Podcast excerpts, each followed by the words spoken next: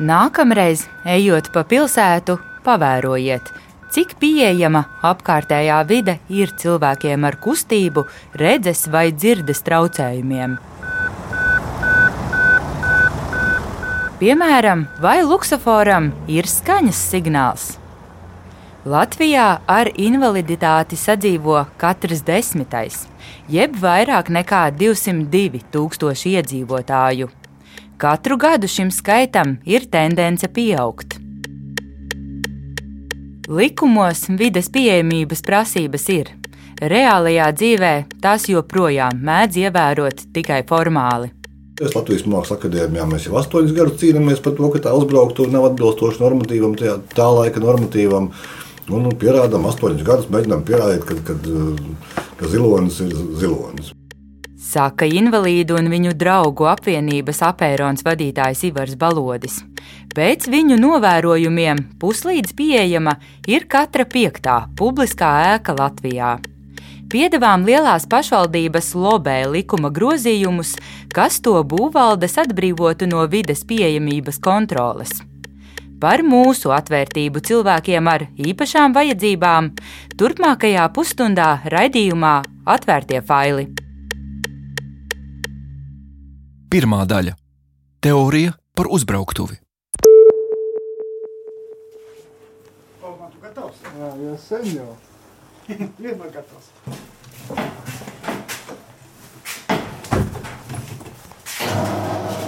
28 gadus vecais Valdemārs Lapa ar ratiņkrēslu uzbrauc uz pacēlāja biedrības apērons birojā. Viņam palīdz organizācijas darbinieks asistents Jānis. Valdemārs jau gadu darbojas biedrībā kā brīvprātīgais. Kolēģi Valdemāru slavē, jo viņš ar lielu entuziasmu dodas ielās, lai apkārtējie redz, ka cilvēki ar invaliditāti var būt aktīvi un iekļauties sabiedrībā. Šoreiz dodamies kopīgā apgaitā pa Rīgas centru. Kā tev ir ar sabiedrisko pārvietoties? Tu brauc ar sabiedrisko? Piestājam pie kādas ārstu privātprakses ieejas. Pie tās uzstādīta uzbrauktuve. Pārliecināmies, ka Valdemārs bez citu palīdzības iestādē iekļūt nevarētu, jo uzbrauktuve ir pārāk stāva, nav arī margu pie kā pieturēties. Līdz ar nagiem, ja nepalīdz, ne, vispār es pats nevaru tikt, kā izrādās. Un, un ja vēl būs slidenis ziemā, tad cauri. Latvijas būvnormatīvos ir iekļautas vides pieejamības prasības publiskās ēkās. Laika gaitā noteikumi papildināti un pēdējās izmaiņas veiktas 2015. gadā. Šobrīd likumā ietvertas pat ļoti detalizētas nianses, piemēram, par uzbrauktuves jeb pandusa parametriem. Ārējās uzbrauktuves iekštelpa pandusu kāpums nedrīkst pārsniegt 5%. Minimālais pandusa platums ir 1,2 metri. Pandusam abās pusēs paredz margas divos līmeņos ar augstumu 0,7 un 0,9 metri no grīdas līmeņa. Apērona vides pieejamības eksperts Jurģis Briedis skaidro, ka pēc būtības visām ēkām, kas celtas pēc 2000. gada, vajadzētu būt pieejamām. Un kā ir realitāte? Nu, realitātē gluži tā nav. Ir īpaši tās, kuras būvētas 2000. Nu, līdz 2010. gadam. Nu, tur daudzas, daudzas sēkas ir pilnībā nepieejamas. Jā. Nu, pēdējos desmit gados celtās, kas ir pilnīgi jaunas, ar dažiem izņēmumiem, bet nu, principā tas normatīvs arī vairāk vai mazāk ir ievērots. Nu, nav tā, ka tu nevari iekļūt ēkā gluži. Neviens gan īsti nepārbauda, vai publiskās būvēs ir ievērotas visas normatīva prasības. Galvenokārt pamana, vai cilvēks ratiņkrēslā tiek vai netiek ēkā, un vai ir izbūvēta invalīdu tolete. Taču likumā iekļautas arī mazāk apspriestas, bet kādai cilvēku grupai ļoti nozīmīgas prasības konferenču un semināru telpas aprīko ar akustisko cilpu, kas novērš blakus trokšņu iedarbību cilvēkiem ar dzirdes traucējumiem. kas cilvēkiem ar dzirdes traucējumiem, kas lieto dzirdes aparātu, ir ļoti, ļoti svarīgas, lai viņi skaidri varētu dzirdēt, skaidri varētu nu, piedalīties kaut kādās semināros vai sapulcēs. Nu, Latvijā nu, kādas piecas varbūt ir uzliktas. Par vides pieejamības prasību ievērošanu ir atbildīgs būvprojekta vadītājs un būvprojekta daļas vadītājs, kas visbiežāk ir arhitekts. Un tālāk tas tiek sniegts būvvaldē, un būvvaldē šobrīd ir tiesības arī izskatīt šo vidas pieejamību, vai viņi atbilst normatīviem vai neatbilst. Ir gadījumi, kad eh, šo normatīvu nevar ievērot, piemēram, rekonstruējamās ēkās. Un tad ir pieļaujama te, šīs te atkāpes, un šīs atkāpes arī skatās būvvalde. Vai šitas, šīs atkāpes ir pieļaujamas, vai viņas ir pamatotas. Teorētiski nevienu projektu nevar apstiprināt, ja tajā nav iekļautas vides pieejamības prasības. Savukārt, pieņemot ēku eksploatācijā, inspektori vērtē, vai tā uzbūvēta atbilstoši projektam. Runa gan ir par vides pieejamības minimālajām prasībām, ir arī vides pieejamības labās prakses rekomendācijas un ir universālā dizaina principi.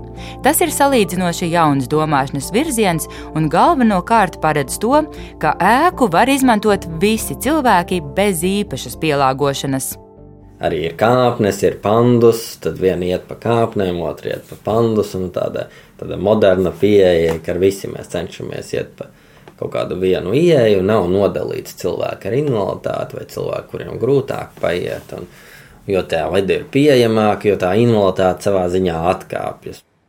Ja parādās kaut viens pakāpiens, cilvēkam ratiņkrēslā nākas lūgt līdzcilvēku palīdzību. Turklāt vides pieejamība atvieglo ikdienu arī veciem cilvēkiem vai cilvēkiem, kuri guvuši īslaicīgas traumas. Tāpat uzbrauktuves un liftus izmanto arī vecāki ar bērniem.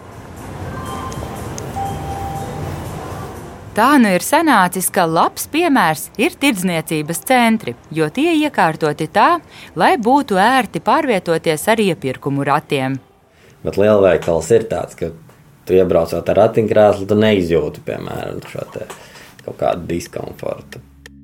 Arī Voldemārs lielveikalus sauc par glābēju saliņām. Otrā daļa - lai svētīta interpretācija. Nezinu, kur ir tā ieeja. Ar Voldemāru un Jāni dodamies apskatīt jaunatklāto Zuzeu mākslas centru Lāčplēša ielā. Pie ieejas uzstādīts pandus. Voldemāram tas grūtības nesagādā. Pirmajā stāvā ir labierīcības un kafejnīca, uz otro stāvu ved pacēlājs.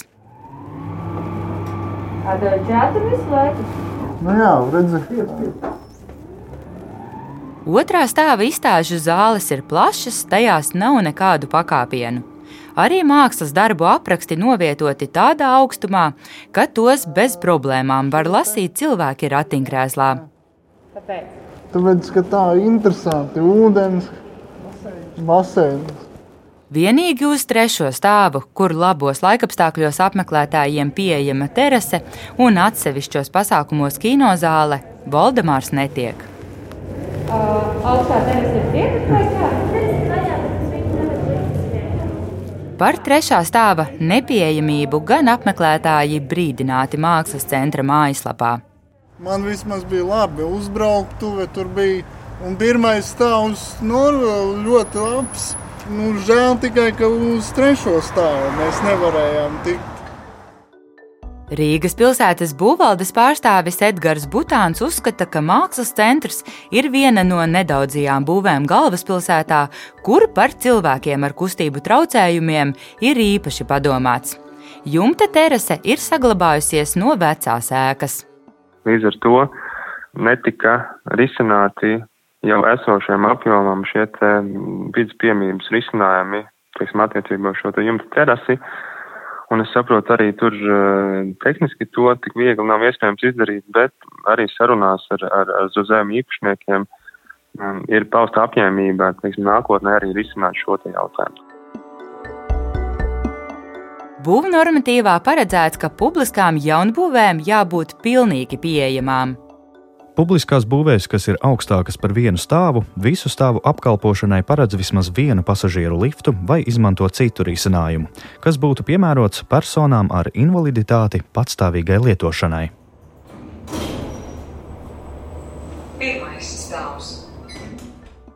Tikmēr apēnona vidas pieejamības eksperts Jurģis Briedis stāsta par jaunuzbūvēto Smiltenes vidusskolas internātu, trīsstāvīgu ēku bez lifta.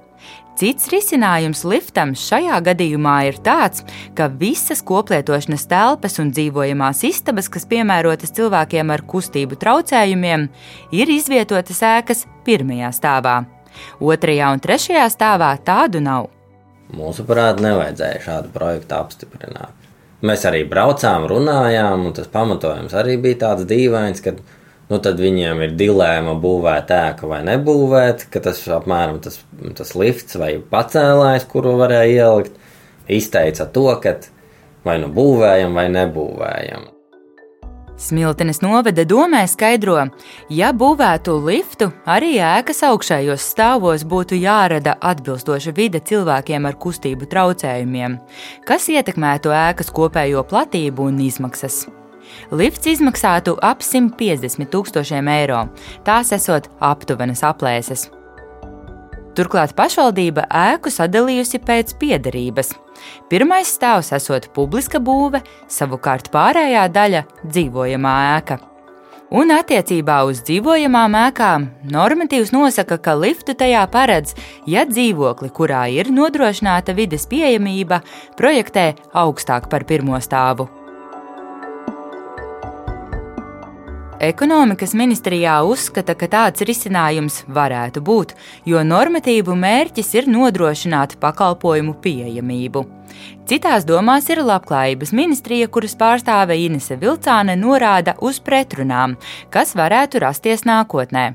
Ja mēs skatāmies, tātad redzam cilvēku ar invaliditāti ne tikai kā pakalpojumu saņēmēju, bet arī kā lietotāju, attiecīgi kā darbinieku, jā, tad šajā gadījumā rodas pretruna. Un uh, mēs liecamies uz to, ka uh, šai ēkai ir jābūt pieejamai.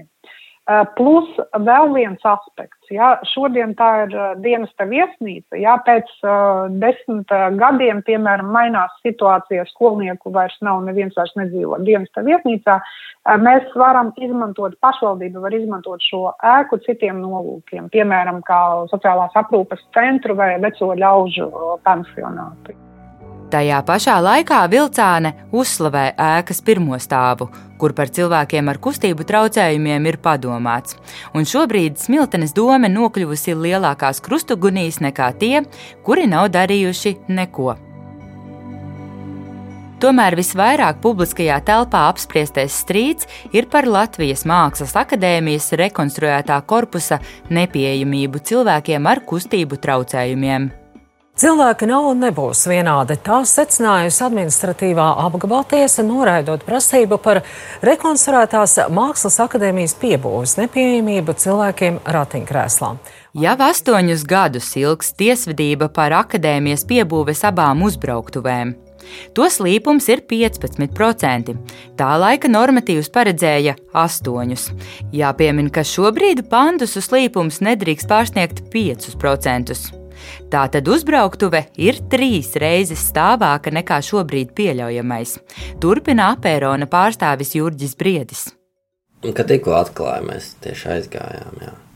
Galvenais, kad braukt lejā, ir gan arī bīstamāk, jo man tas ar vienu kolēģi aizgāja. Un kolēģis bija tāds aktīvs un pats pašs braucis bet tur lejā tā braukšana bija tas, man liekas, 15 metri garš kaut kur tas pandus. Un tad tas cilvēks ir uzmanīgi atpakaļ gaitā jābrauc ar viņu lejā. Pat, Uz priekšu nu, tur var tā ieskrieties, ka, ja sagriežās šķērsām, cilvēks var izkrist. Nu, tā diezgan neomalīgi. Jā.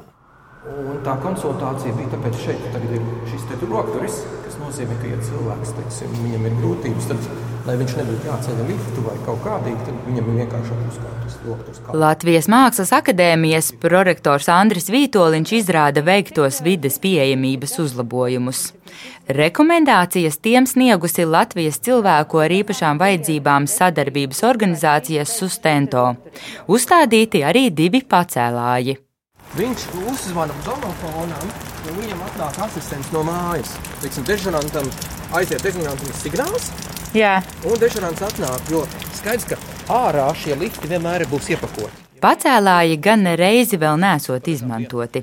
Prorektors uzskata, ka varētu strīdēties, vai piebūve vispār dēvējama par publisku ēku, jo tajā atrodas darbnīcas. Tāpat katrai profesijai sava specifika. Plus ir jārēķina tādas profesijas kā tēlnieks vai stikls, kur strādā ar krāsnīm, kur strādā ar smagu nešanu, ar, ar bīstamiem instrumentiem, kuriem pat nu, pēc darba drošības instrukcijas cilvēkam jābūt ir kaut kādā tiksim, fiziskā formā. Tur tādu pretrunu. Akadēmijā mācās divi studenti ar kustību traucējumiem, bet viņi nepārvietojas ratiņkrēslā. Vēl viens pacēlājs izbūvēts akadēmijas lielajā ēkā, tāpat ir kāpurķēžu pacēlājs, lai ar asistenta palīdzību pārvietotos pa stāviem. Šajā tiesvedībā Mākslas akadēmiju dēvē par situācijas ķīlnieci. Apērona ieskatā nepilnības vajadzēja pamanīt būvvaldei. Savukārt būvvalde uzskata, ka par prasību ievērošanu atbildīgs ir arhitekts. Turklāt būvprojektu, arī vides risinājumus apstiprināja neatkarīga ekspertīze. Turpina Rīgas pilsētas būvvaldes pārstāvis Edgars Butāns. Protams, kad eh, pieņemot uh, objektu eksploatācijā, inspektors ar lineālu neiet un nepārmēra katru centimetru, bet, nu, pieņemot eksploatācijā pandus bija izbūvēts, un mēs šādu objektu arī pieņēmām eksploatācijā. Pamatojoties uz šo ekspertu slēdzienu, ka visi, visi projektētie risinājumi atbilst uh, būvnormatīviem. Tiesa nosprieda, ka ēka uzbūvēta atbilstoši būvprojektam, un akadēmijas ieviestie risinājumi ir adekvāti. Trešā daļa - atbildības futbols. LMA piebūves epopeja labi ilustrē to, cik grūti sabiedriskām organizācijām ir cīnīties par vides pieejamību. Ja tu redzi, ka kaut kas ir uzstādīts nepieejams, tu nevari nekādā veidā to izmainīt. Vienīgā tiesas procesa. Saka apērona vadītājs Ivars Balodis. Tomēr nākotnē šis process varētu kļūt vēl apgrūtinošāks. Šobrīd Saimas komisijā tiek skatīti grozījumi būvniecības likumā, kas nošķirtu katra būvniecības procesa dalībnieka atbildību. Labrīt, kolēģi! Sāksim tautsājumniecības agrārās vides un reģionālās politikas komisijas sēdi. Paredzēts, ka vides pieejamības prasību kontrole vairs nebūs būvvaldes kompetencē, bet citēju būvspeciālistu profesionālās atbildības jautājums. Visticamāk, beigu beigās mēs redzēsim gala produktu, ka būs uzbūvēts. Tad mēs secināsim, nu, visbiežāk, ka nav šī pieejamība ievērota. Nu, tad bieži vien vairs neko darīt nevar.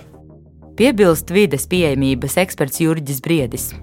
Šādas izmaiņas rosinājusi Latvijas Lielo pilsētu asociācija, jo būvvaldēm trūkstot resursu, lai kontrolas funkciju veiktu kvalitatīvi stāsta ekonomikas ministrijas būvniecības politikas departamenta direktora vietnieks Andris Lazarevs.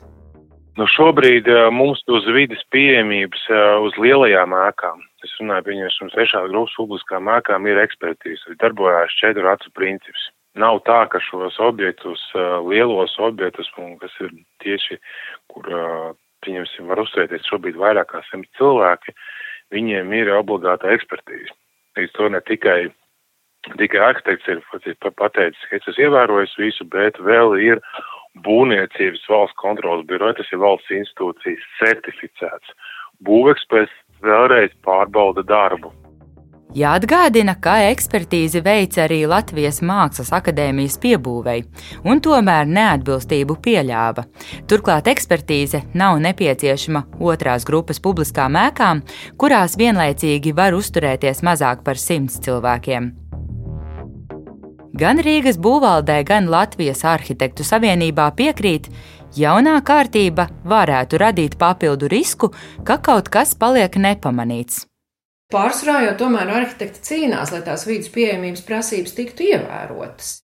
Saka Latvijas Arhitektu Savienības certificēšanas centra vadītāja Elīna Rožulapa. Vistrakāk ir tajos brīžos, kad būvs pasūtītājs nav viņas tiešais lietotājs, un līdz ar to viņam ir diezgan vienalga, kā tā būva tiks lietota. Un tad, tomēr, nu, labi, kad ir trešās grupas būve, tad, tad tas mūsu balsts ir ekspertīze, bet arī ekspertīze ir, nu, kas mēs esam. Mēs visi esam tā paša būvniecības ierosinātāja, noalgotas personas. Rožu lapa uzsver, ka lēmumus nepieņem arhitekts vai ekspertīzes veicējs, bet tikai un vienīgi būvniecības ierosinātājs. Protams, man ir mans darbs ir paskaidrot pasūtītājiem, kāpēc to vajag un ka normatīvi to nosaka. Bet lēmumu pieņem viņš. Un arī tajā brīdī nu, ir nemazums tādu gadījumu, kad pasūtītājs pasakā pilnīgi atklāti, ok, labi, projektā uzzīmēsim, kā vajag. Un pēc tam es uzbūvēšu, kā es gribēšu. Ja? Tāpēc es ļoti gribētu uzsvērt to, ka visu normatīvu prasību ievērošana pirmkārt ir būvs īpašnieka atbildība. Nu jā, tāpēc arī ir tas jautājums, vai, vai šajā situācijā, kā ir šobrīd, tomēr nav labi, ka ir vēl Tas ir labi. Tas ir tas, ko es gribēju teikt. Ka pat, pat tajos gadījumos, kad mums ir ekspertīze, mums ir, ir, ir ļoti labi, ja ir tas būvvaldes saprātīgais atbalsts. Būvvalde ir saprātīga un, un, un ar tādiem labiem mērķiem un, un tendēta uz. Kā lai saka, uz līdzsvaru atrašanu starp sabiedrības un pasūtītāju interesēm, ja, tas ir noteikti nu, tāds liels atbalsts. Ekonomikas ministrija cer, ka bailes no sekām būs dzinulis nepieļaut kļūdas. Tā pašā laikā tiek paredzēts, ka, ja konstatēs profesionālās darbības pārkāpumus, nu, pieņemsim, mums ir uzbūvēta jauna ēka, publiska ēka, biroja ēka, kurā nav no, no, nodrošināta vidas piemības prasības. Ja tiks pieņemts, mēs saņemam sūdzību par to, ka šajā ēkā, nu, būvprojekta risinājumos ir pārkāptas normatīva aktu prasības, un Latvijas arhitektu savienība izpildot delegēto uzdevumu būs profesionāla darbības pārkāpumu, tad šis lēmums būvvaldē būs par pamatu uzlikt jānodotai ēkas īpašniekam par pienākumu paredzēt atbilstošu vidas pieejamības risinājumus. Arhitekte gan prognozē, ka problēmu novēršana tādā gadījumā prasīs vismaz trīs gadus, vai arī sāksies ilgstošs tiesas process. Arī ja problēmu atrisinās, tas to nepadara par nebijušu tas, ko man gribētos likt pie sirds uh, valsts pārvaldei, nu, tā kā jebkurā līmenī, ja, vienalga vai, vai lēmēja vai izpildvaras, vai valsts vai pašvaldību līmenim, ka mums ir maksimāli jāstrādā pie tādas sistēmas izveides, kas maksimāli nu, novērš vispār iespēju kaut kādām problēmām rasties. Jo tad, kad viņa ir tur ārā fiziskajā pasaulē, tad jau ir par vēlu. Rožulapa uzskata, ja būvvaldēm tas rada lielu slogu, tad sloga atvieglošana ir jāmeklē kaut kur citur, nevis uz vides pieejamības rēķina. Pat laban likumprojektu gatavo otrajam lasījumam. Atbildīgās komisijas vadītājs Ralfs Nemīro sazvanīts stāsta, ka šobrīd smagas diskusijas notiek par citām grozījumu normām. Bet to, ka varētu no šī likuma līdz ar šo atvērumu pazust ir pieejamības kontrols jautājums. Es nepieļauju nekādā gadījumā. Pašlaik mēs. Nemīro sola vides pieejamību vēl apspriest un uzklausīt iesaistītās puses, šajā gadījumā apēronu. Ceturtā daļa - plāns nākotnē. Meklēju taktilo līniju, kuras vairs nav. Nu, šeit nav šobrīd, jā. Skaidrs. Inesi satieku pavisam nejauši tramvaja galapunktā Juglā. Viņa no Ilģu ciema atbraukusi satikt draudzeni. Inese ir vājredzīga kopš dzimšanas, viņas vīrs neredzīgs. Šobrīd sievietes lielākais apgrūtinājums esot ceļu remontdarbi. Par tiem parasti nav informēta un nereti nonāk strupceļā. Pārtikas veikals Krišāņa barona centrs, kas ir tas uz stūra. Tur ir taktilā līnija, var ļoti labi sajust faktūru līnijas tiem pieciem pakāpieniem un arī otriem pieciem. Tur, tur ir tā vidas pieejamība. Stacija ir nulle. Nezinu, pasts, piemēram, vai jums? Pas, es eju uz pastu, un uh, katru reizi tur ir jāprasa numuriņš. Tur nav absolūti neviena norāde, uh, ne taktila, nekāda, kur kura kase atrodas, vai apmēram kaut kāds izvietojums tā pasta. Tomēr galvaspilsētā esot labāka vides pieejamība nekā dzimtajos preļos. Sociālais dienas joprojām nulle, lifta pieejamība otrais stāvs dienas centrs joprojām nulle. Nu, nulle. nulle. Pass joprojām ir padomu laika trepes un pat nav domāts par kaut kādu elementāru kaut vai metālu uzbrauktuves uztaisīšanu vai spēju ieraudzīt pastu nulle, nulle. Tur ir. Tāpēc es arī biju spiests evakuēties uz Rīgu, ka nu, arī medicīnas pieejamība ir nulle. Pēc Labklājības ministrijas iniciatīvas pērn valdība apstiprināja plānu pieejamas vides veidošanai Latvijā. Ministrija izstrādājusi vides pieejamības pašnovērtējuma anketu valsts un pašvaldību iestādēm, kā arī rīkojusi seminārus. Ja gadījumā jums nav ēka, pie ēkas izveidot šī autostāvvieta cilvēkiem ar invaliditāti. Mēs ieliekam viens, kur ir nav pieejams. Apmācītie speciālisti galvenokārt bija iestāžu tehniskie darbinieki. Kopā iesūtītas 1835 anketas. Ministrija rezultātus tuvākajā laikā apkopos. Turpina Labklājības ministrijas eksperte vienlīdzīgu iespēju jautājumos Inese Vilcāne. Šī attiecīgā analīze kalpos par pamatu turpmākām investīcijām valsts un pašvaldību institūciju tieši vidas piemības nodrošināšanai. Atbilstoši plānam ir paredzēts uzsākt šo vidas pieejamības nodrošināšanu, kas līdz 2030. gadam kā, vainagojas ar to mūsu vīziju, ka visi šie pakalpojumu sniedzēji ir pieejami. Vilcāne norāda, ka vides pieejamībai var piesaistīt dažādu fondu finansējumu. Būvnormatīva prasības ir pirmā ailīte. Ja? Mēs redzam, ka no 15. gada, ja izpilda 60% no projektiem, tad šodien mēs jau varam runāt par 75%. Tad ir kaut kāds tomēr, nu, kaut kāda līkne mēs varētu vilkt, ka iet uz augšu mazliet. Rīgas pilsētas arhitekta biroja direktors Gvido Princis prezentē pētījumu par galvaspilsētas pieejamību cilvēkiem ar īpašām vajadzībām. Lai motivētu būvniekus, arhitektu birojas katru gadu izceļ veiksmīgākos piemērus. Izvēlas ap 20 jaunus būvētu vai rekonstruētu objektu un vērtē gan to atbilstību normatīviem, gan izpratni par universālo dizainu. No tāda objekta vērtības viedokļa, protams, uz to var raudzīties gan kā uz papildus izdevumiem, uz ko nereti e, raugās tādā veidā arī attīstītāji. Līdz ar to nu, kaut kādas papildus vērtības, papildus risinājumi ir izmaksas. Nu, no otras puses, e, nu, tie objekti, ko mēs redzam arī pēdējos gados, mums ir prieks redzēt, ka tādi ir Publiskie projekti no ar tādu publiskās naudas iesaisti kļūst ar vien labākie. Eh, galvenokārt pateicoties, nu, ja tā var teikt, eh, Eiropas Savienības naudas arī tādām prasībām. Šoreiz stāstījām par publisko ēku pieejamību, bet vēl lielākas problēmas ir mājokļu tirgū, kas ir mazāk regulēts. Raidījumu veidoja Baiva Runce, Anita Brauna un Reinis Budze. Atvērtie faili!